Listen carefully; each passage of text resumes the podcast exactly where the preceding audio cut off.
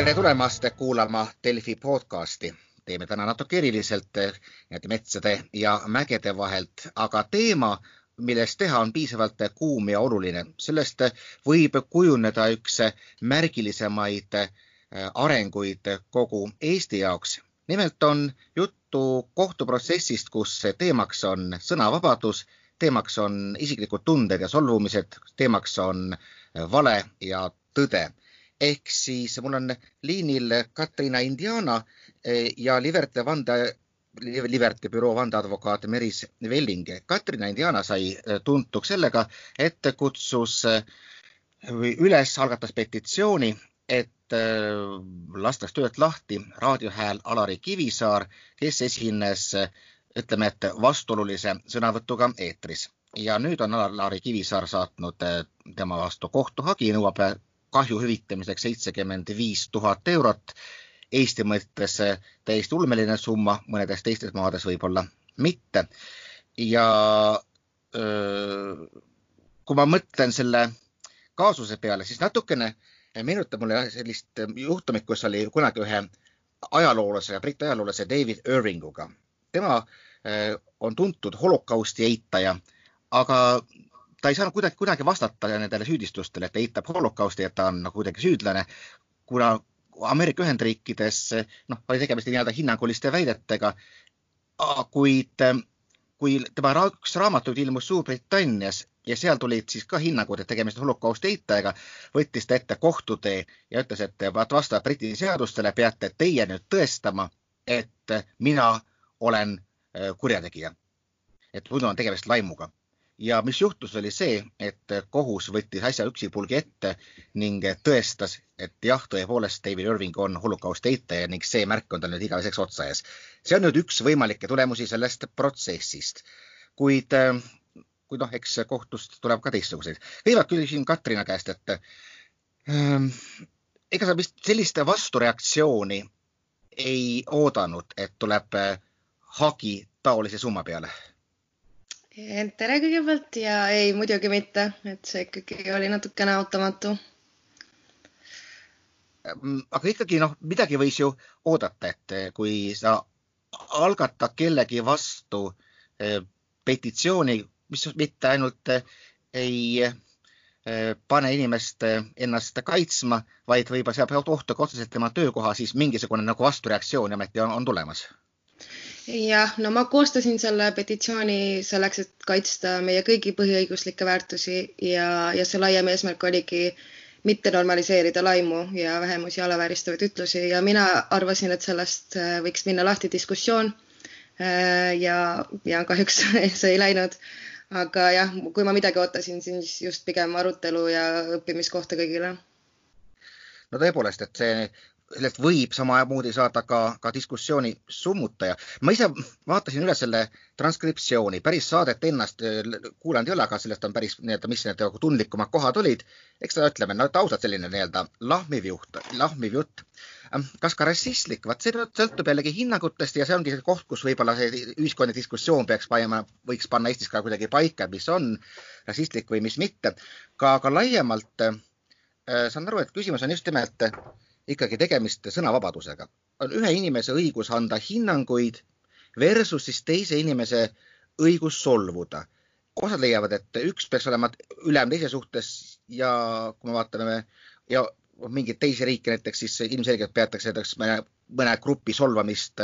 olulisemaks õiguse, ühesõnaga õiguse mitte saada solvatud olulisemaks kui, kui sõnavabadust, et kus siin nüüd Eestis see piir peaks jooksma?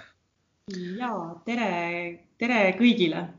et kuna nüüd siin püstitati niivõrd palju õiguslikke küsimusi, mille üle mul eh, iseenesest on hea meel, sellepärast et selles avalikus diskussioonis on eh, tänuväärselt vähe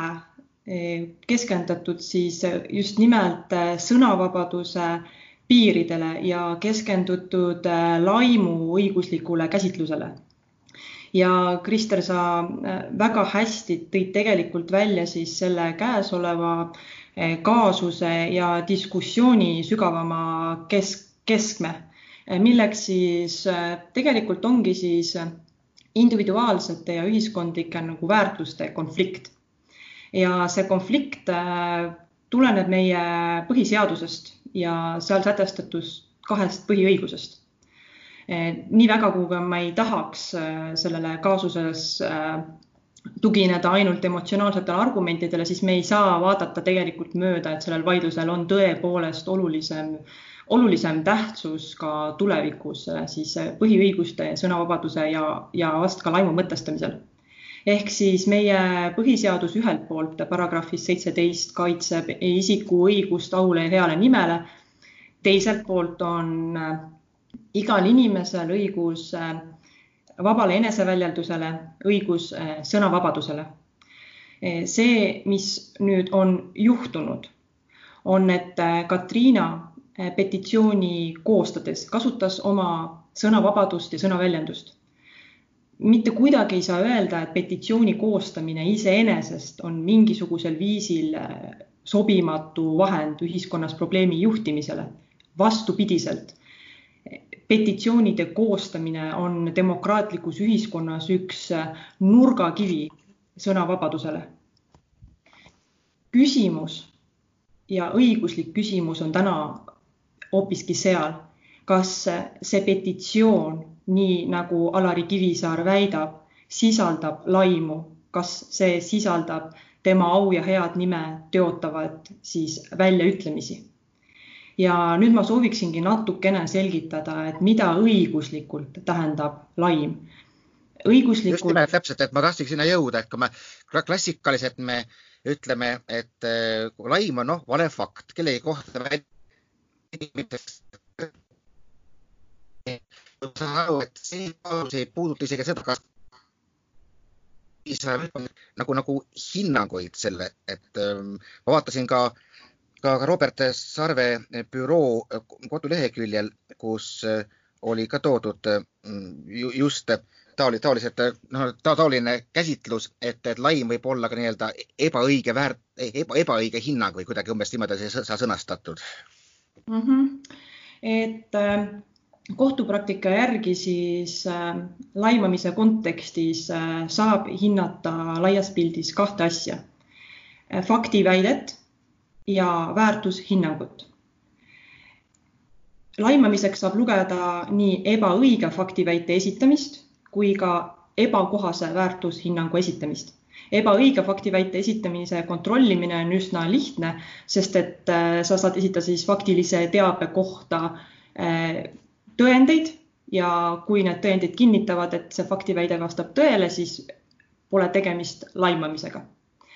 väärtushinnanguga on mõnevõrra keerulisem, sest äh, väärtushinnang ei sisalda mitte faktilist teavet, vaid väärtushinnang siis väljendabki isiku arvamusi, ideid, veendumusi. ja siis väärtushinnangu lubatavus või mittelubatavus sõltub sellest, kas ta on kohane või see väärtushinnang on mittekohane. ja väärtushinnangu siis kohasust või mittekohasust hinnatakse objektiivse üldise faktilise baasi taustal, eh, mille pinnalt siis iga inimene saab ise teha erinevaid järeldusi ehk siis niinimetatud väärtusotsustusi ehk väärtushinnanguid. ja tegelikult vaidluse pooled ei saa teha lõplikku otsustust selle kohta, et tege-, kas tegemist on olnud kohase või ebakohase väärtushinnanguga, et ka kohtupraktika järgi on ikkagi lõplik sõna siin kohtul. küll aga ma võin öelda, et et selle otsustuse tegemine ei ole, ei ole päevselge ega, ega ka õiguslikult väga lihtne, sest et see sõltub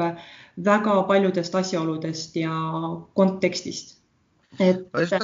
tahtsin nendest väärtustest natuke rääkida, et kui räägime väärtuspõhisusest,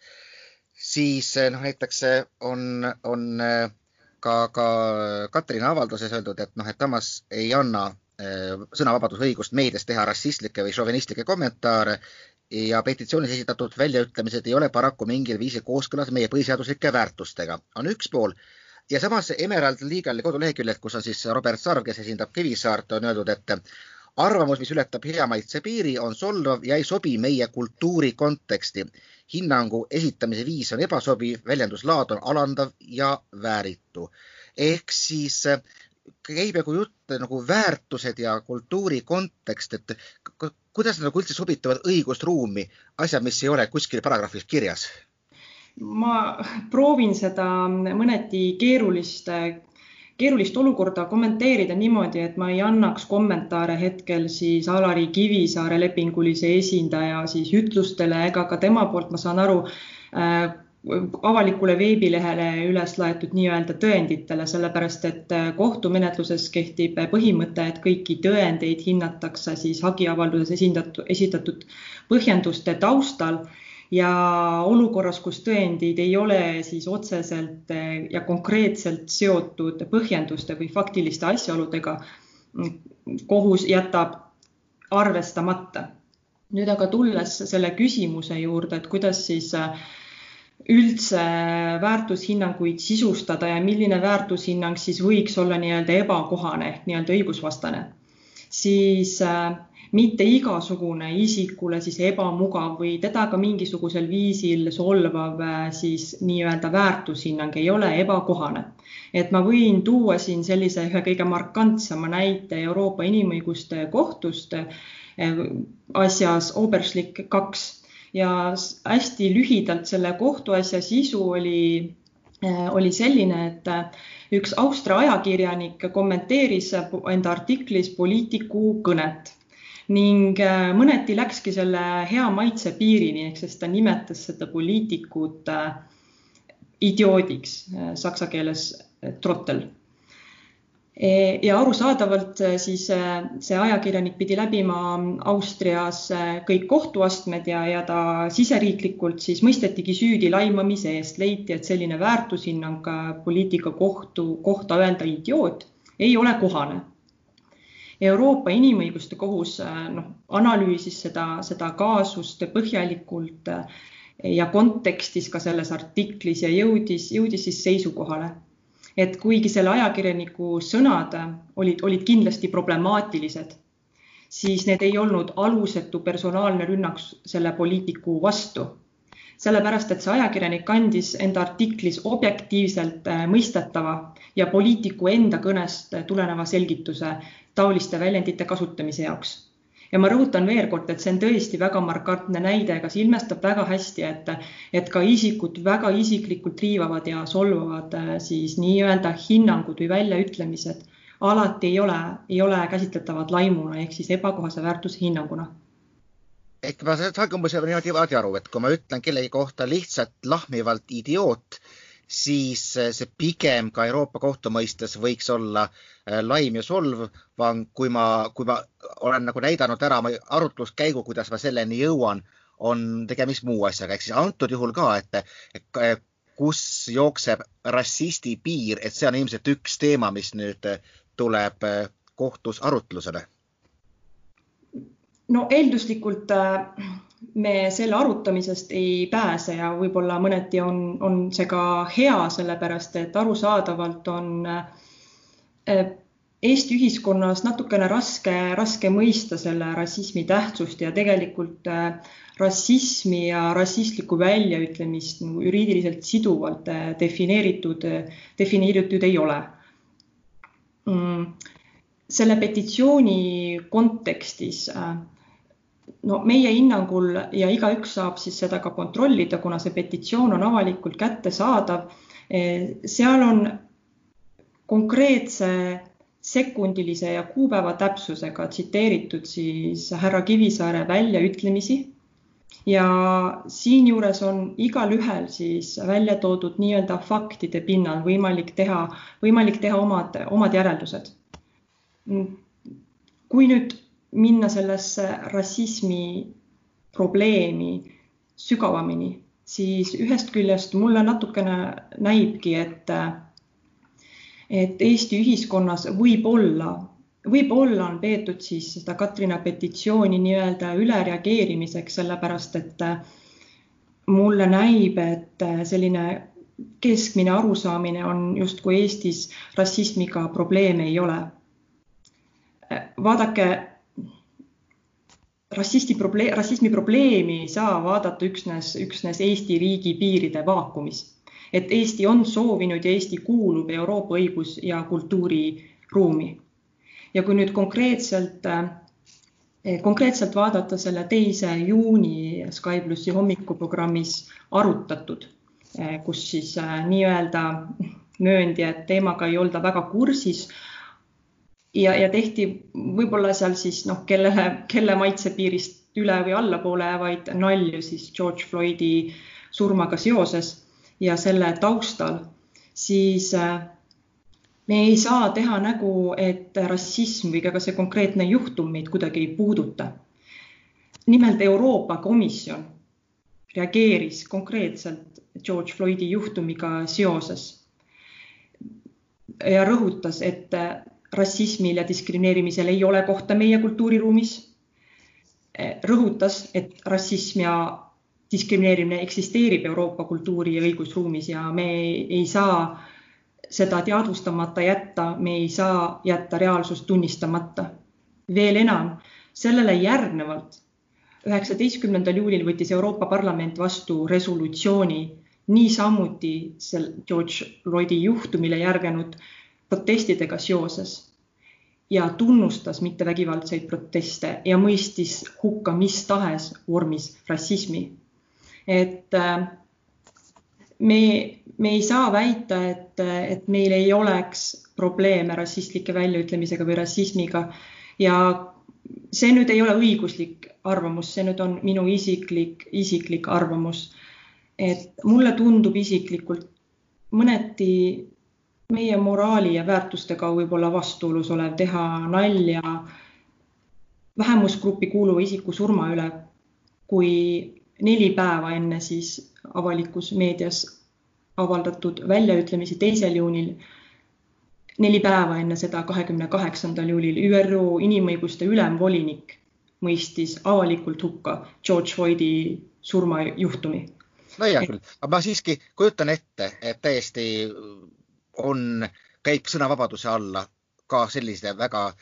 kellegi, kellegi maitset, maitset riivav naljatlemine, väljaütlemised, ka see on, ütleme, Kivisaare väljendusvabadus. ma korraks küsin Katrina sinu käest, et, et noh, miks, miks just, miks just Kivisaar, et nende õõnespuidu nalju on teinud meil ka väga kõrged poliitikud, et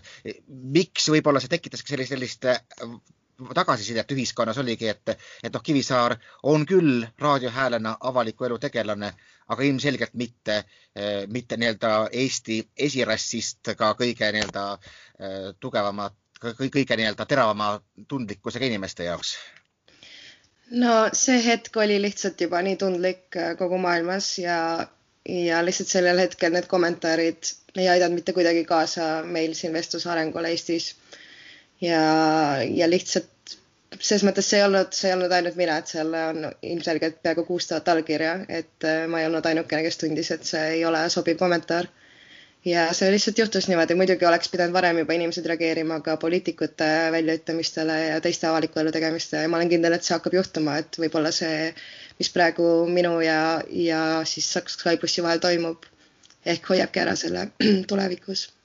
vaata, Kivisaar ise on enda advokaadi vahendusel saadetud avaldustes öelnud, et, et noh, et kõik see on noh, noh, kontekstist välja rebitud, no põhimõtteliselt, et temast on just nagu konstrueeritud rassist, et selles mõttes, et jääte nagu enda juurde kindlaks, et, et, et, et see ei ole selline võltskuvandi loomine teadlikult. Ja absoluutselt, et seal lihtsalt petitsioonis on teatud hulk tähemärke, mida sai kasutada ja sellepärast oli seal ainult need näited, et äh, samamoodi iga inimene, nagu ma olen öelnud, sai ise tutvuda mitte keegi ei olnud sunnitud sinna allkirja andma, kõik lingid olid seal olemas. et äh, jah, igal inimesel on oma vali, ma ei ole tõesti näinud vaeva, et siin midagi konstrueerida või mingit äh, laiaulatuslikku kampaaniat teinud, et äh, see on ka oluline minu jaoks, et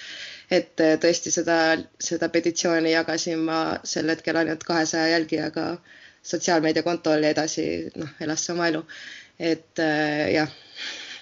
ma natuke läheks teemat viiks veel veelgi laiemaks, et sama Kivisaar nüüd oma viimases avalduses, ta tõi sisse ka, ka küberkiusu mõiste, no mis ka tänu Päevalehes ilmunud ühele traagilisele loole paneb selle ka nii-öelda kaasaegse konteksti, et ta ilmselgelt ta nii-öelda puudutab inimesi sügavamalt. iseasi, mis, mis tähendus sellel üldse kohtuvaidluses on, see on teine asi. aga samas ma nagu ka mõistan natukene, et kust selline tunne võiks ka näiteks ajakirjanikul päri, pärineda. ma ise kunagi tegin artikli, kus ma, milles pealkiri oli umbes see, et, et laste saamine on kuritegu looduse vastu. noh, mõttes, mõte oli siis, et iga lapse sünd kasvatab meeletult CO2 hulka, mis, mida inimene äh, nagu enda kohta õhku paiskab ja, ja selle peale tuli toimetusse meeletu hulk petitsioone, noh ka minu lahtilaskmiseks, kõik oli ühesuguse käekirjaga selgelt kuskilt niimoodi orkestreeritud ja ma täiesti saan aru, kui keegi oleks minu kohta väitnud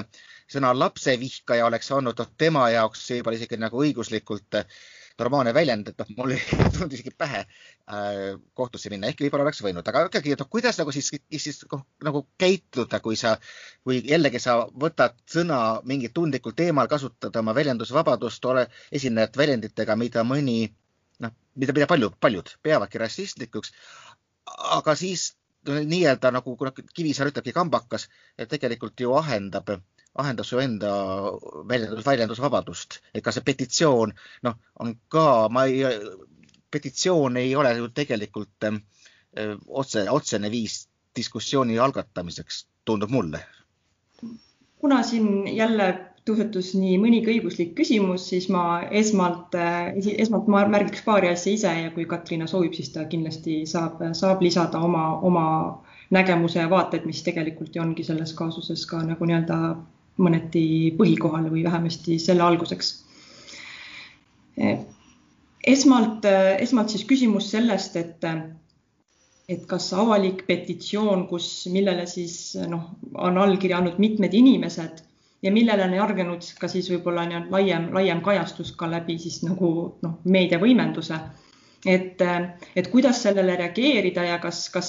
sellise, selline petitsioon sellisel kujul üldse peaks olema nagu kohane vahend siis äh, rassismialase probleemile tähelepanu juhtimisel, ühiskonnas diskussiooni tekitamisel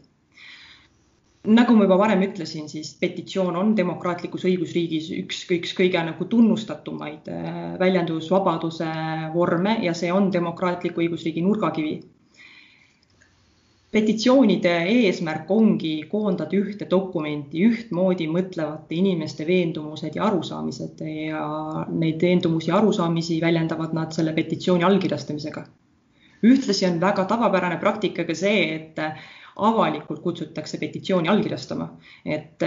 sellisel juhul ei ole tegemist siis kellegi vastu algatatud teadliku või tahtliku äh, äh, nii-öelda hävitamiskampaaniaga. kui me vaatame teise valdkonna petitsioone, näiteks keskkonnaõiguskaitsjate petitsioon on väga tavapärane, et kõikvõimalikul siis sotsiaalmeedia platvormidel kutsutakse inimesi üle, inimesi üles toetama et käesoleval juhul Katrina võib mind pärast äh, parandada, kui, kui ma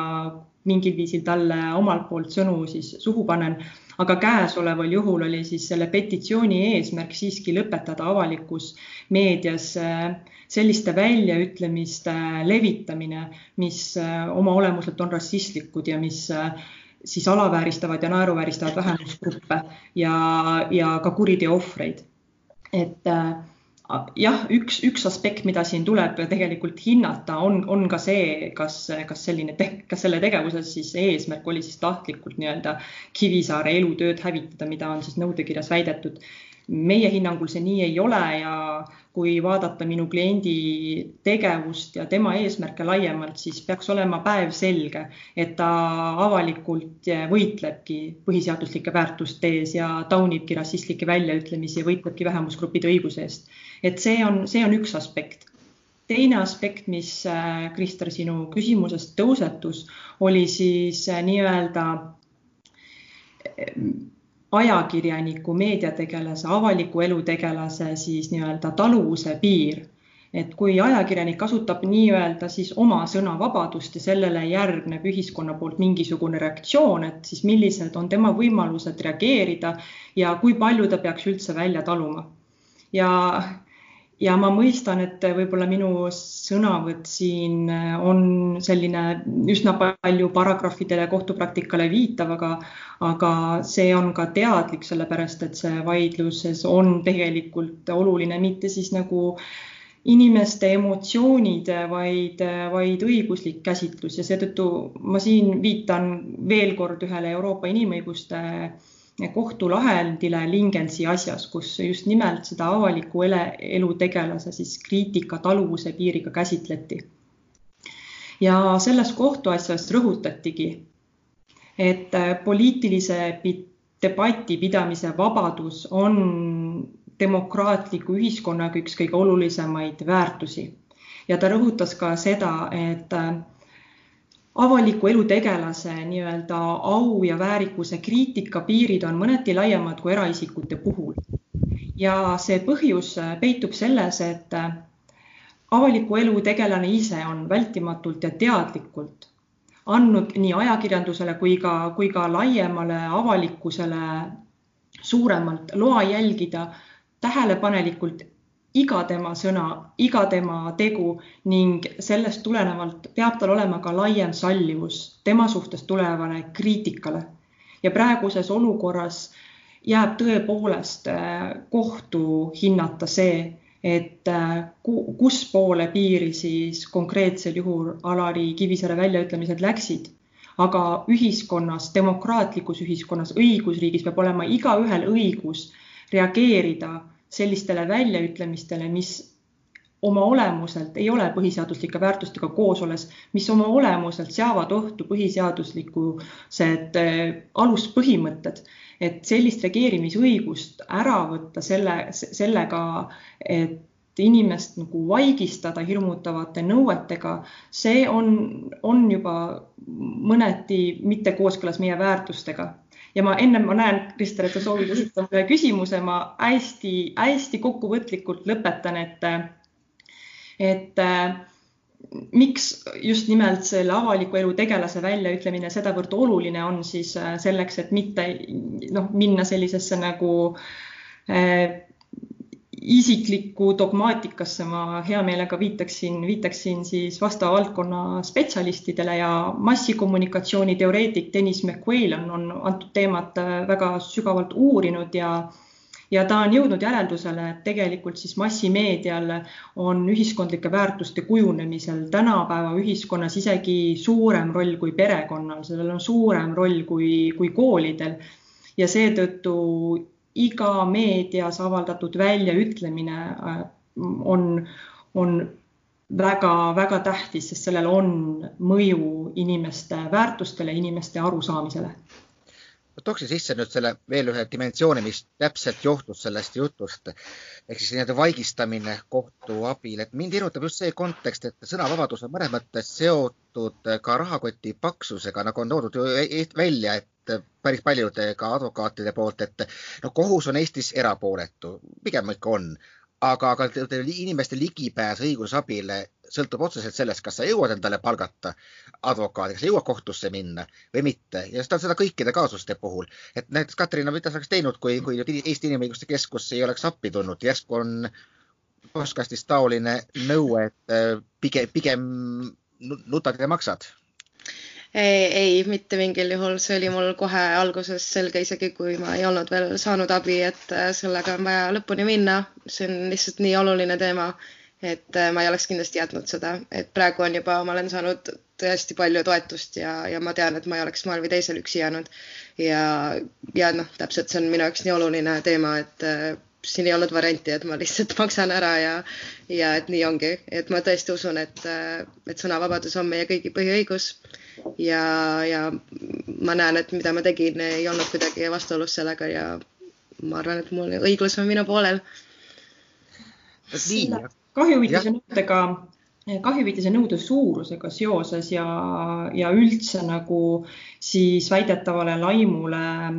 kahjuhüvitisnõuetega reageerimisega seoses tegelikult ma sooviksin teha, sooviksin teha ühe, ühe muret tekitava märkuse, et äh, arusaadavalt eh, igaühe õigus ja ka põhiseadusest tulenev õigus on, on nõuda talle tekitatud kahju hüvitamist ja, ja ma ei soovi kindlasti asuda seisukohale, et, et kui isikut on siis nii-öelda õigusvastaselt laimatud ja talle on sellega põhjustatud mis tahes kahju, ka hingelise üleelamise ehk siis nii-öelda mittevaralist kahju, et sellele ei võiks järgneda siis mittevaralise kahju nõue. aga sellise olukorra lahenduseks on tegelikult äh, ka seadusega ette nähtud mitmeid, mitmeid muid lahendusi. au ja eo nime teotamise juures, mis siis põrkub väljendusvabase, vabadusega, on, on üheks vägagi kohaseks lahenduseks just nimelt see, kui inimene, kes tunneb, et tema au ja eo, head nime on teotatud, talle antakse võimalus siis samasuguse meediakanali kaudu iseenda arvamust temale ette heidetud tegude osas avaldada. et seda esiteks, aga teiseks, kui minna nüüd selle kahjunõude suuruse juurde, siis siis jah, paratamatult kahjunõude suuruse õigustatust selles kont-, seda, seda tuleb hinnata väga mitmete asjaolude juures. ma saan aru, et me täna kohtus vist ei pea hakkama arutama selle üle, kas seitsekümmend viis tuhat eurot on siis kohane või mittekohase suurusega nõue. vähemasti avalikult saadud informatsiooni pinnalt hagiavaldus meieni ei ole jõudnud. ma saan aru, et advokaat siis Alari Kivisaare lepinguline esindaja on öelnud, et nad kohtus siiski seda seitsekümmend viite tuhandet eurot ei nõua, sellepärast et arusaadavalt ei mõistaks kohus sellist summat välja. ja vaadake, siin on minu hinnangul just nimelt selle nõudekirja problemaatilisus ja selle õiguslik äh, põhjendatus ja selle nõude õiguslik põhjendatus mm, mõneti esile toodud. ehk siis nõudekirjas anti inimesele aega kümme päeva tasuda seitsekümmend viis tuhat eurot. nüüd minnakse kohtusse, öeldakse, et kohtus sellist summat ei nõuta, sest ilmselgelt sellist summat kohus välja ei mõistaks ja tõsi, tõepoolest, kohus hindabki mittevaralise kahju hüvitamise väljamõistmisel mitmeid asjaolusid. inimese kirjeldatud emotsionaalseid üleelamisi, kuid sealhulgas ka ühiskondlikku, majanduslikku võimekust ja konkreetse nii-öelda väidetavalt kahju põhjustanud isiku majanduslikku seisu. ja lühidalt äh, kommenteerides, siis selles nõudekirjas ei olnud tegelikult välja toodud mitte ühtegi konkreetset nagu põhjendust, mis üldse õigustaks sellises summas äh, kahjunõuet esitada, aga see selleks. kui inimese vastu on esitatud kahjunõue sellises suuruses, mida kohus välja ei mõistaks, siis see näitab nii mõndagi selle nõudekirja õiguslike põhjenduste adekvaatsuse ja nõude enda äh, põhjendatuse kohta. ja üks, üks temaatika veel, mida, mida ma avaliku meediakajastuse taustal sooviksin välja tuul, tuua, on, et väga palju on läbi käinud seda, et nõude esitamisega eh, siis soovitakse minu klienti Katriinat ja ma saan aru ka, et teisi nii-öelda väidetavaid laimajaid kuidagi võtta vastutusele neid karistada. et äh, siin võib olla muidugi õiguslikult noh, ekslik sõnakasutus ja seda, seda ma saan hästi aru, aga, aga tuleb rõhutada, et äh, kellegi karistumine ja vastutusele võtmine on siiski karistusõiguslik kontseptsioon ja laimamine on Eesti õiguskorras dekriminaliseeritud juba kahe tuhande teisest aastast. see tähendab, et laimamise kontekstis me ei saa rääkida kellegi karistamisest et me saamegi rääkida üksnes tsiviilõiguslikust kahjuhüvitise nõuetest. ja ma pean lisama, et ka tsiviilõiguslik siis kahju hüvitamine, hüvitamine kui õiguskaitsevahend Eesti õiguses ei hõlma karistuslikku aspekti. et kahju hüvitamine tsiviilõiguslikult Eesti õiguses on siiski üksnes siis õiguskaitsevahend enda õiguste taastamiseks. ja see, et kui järjepidevalt siis meedias rõhutatakse, et äh, kahju äh, hüvitamise nõuded siis nii-öelda väidetava laimu eest, mida ma rõhutan veel kord, äh, mis, mis õiguslikult vähemasti meie hinnangul ei kvalifitseeru laimuks. et nõudekirjad on esitatud siis nii-öelda kellegi karistamiseks või kellegi vastutusele võtmiseks no sellest saab igaüks ise järelduse teha, et äh, mis võiks olla sellise nõudekirja eesmärk ja, ja kui palju siis kellegi karistamise eesmärgil kahju hüvitamise nõue täidab siis sellise nii-öelda õigluse taastamise ja põhjustatud kahju heastamise eesmärki. Nonii, tõmbame nüüd joone alla, et oletame, et see hagi nüüd ikkagi laekub tuleb kohus, millele te peamiselt rõhute, siis ikkagi sellele, et tegemist oli õigustatud sõnavabaduse kasutamisega ja, ja, ja mitte siis teadliku laimuga? teate, kuna me ei ole seda hagiavaldust veel näinud, siis, siis sellele küsimusele me kindlasti praegusel hetkel vastata ei saa ja ja teine aspekt on see, et me tegelikult omalt poolt edaspidi ei soovi meedias siis pooleliolevat kohtuvaidlust kommenteerida, et, et antud asjas ikkagi praegusel hetkel ei, ei ole võimalik arvatavasti muusugust lahendust tekkinud olukorrale, kui siiski kohtuotsusega, kus siis kohus hindab kõiki siis poolte esitatud väiteid seni küll meedia vahendusel siis õigusliku prisma läbi ja nagu ma ütlesin ka, et see on tegelikult nagu arvestades tulevasi ilmselt esile kerkivaid taolisi vaidlusi väga nii-öelda märgilise tähtsusega, kui see nii-öelda lõplikult jõustunud kohtuotsus võib-olla läbi mitme astme, siis mida ta siis ütleb selle kohta, mis on lubatud ja, ja mis mitte. Katriina, üks veel viimane küsimus, et, et noh, kui sa praegu loed näiteks meediast sellesama asja kajastust siis seal on hästi paljudes kohtades jäi mulle ikkagi silma, ma ei tea, faktiväitena, et laimukampaania, oletame, et, et sa nüüd võidad, see on suure, suurepärane võimalus võtta ette meedia ja oma, omakorda esitada hagi, et lähed sa seda teed kindlasti mitte, mul on väga palju targemat teha et see ei ole üldse eesmärk. kui ma võidan, mis juhtub, siis äh, ma olen väga õnnelik muidugi, sest et nagu ma ütlesin, sõnavabadus on meie kõigi põhiõigus ja meil kõigil on õigus väljendusvabadusele, teha petitsioone, avaldada arvamust inimõiguste kaitseks, nii et ma arvan, et see on kindlasti suur eeskuju, nagu sa enne ütlesid, et äh, miks ei ole tehtud poliitikute või teiste avaliku elu tegelastega seda, et äh, võib-olla see nagu loobki selle pretsedendi, et, et sa pead vastutama oma sõnadest, sa ei saa lihtsalt lahmida, et nendel sõnadel on võim ja inimesed kuulavad ja panevad tähele. aitäh, meiega olid liinil Katrina Indiana, kes algatas petitsiooni Alari Kivisaare vastu ja kes ilmselt nüüd antakse selle eest kohtusse ning teda esindav vandeadvokaat Meelis Velding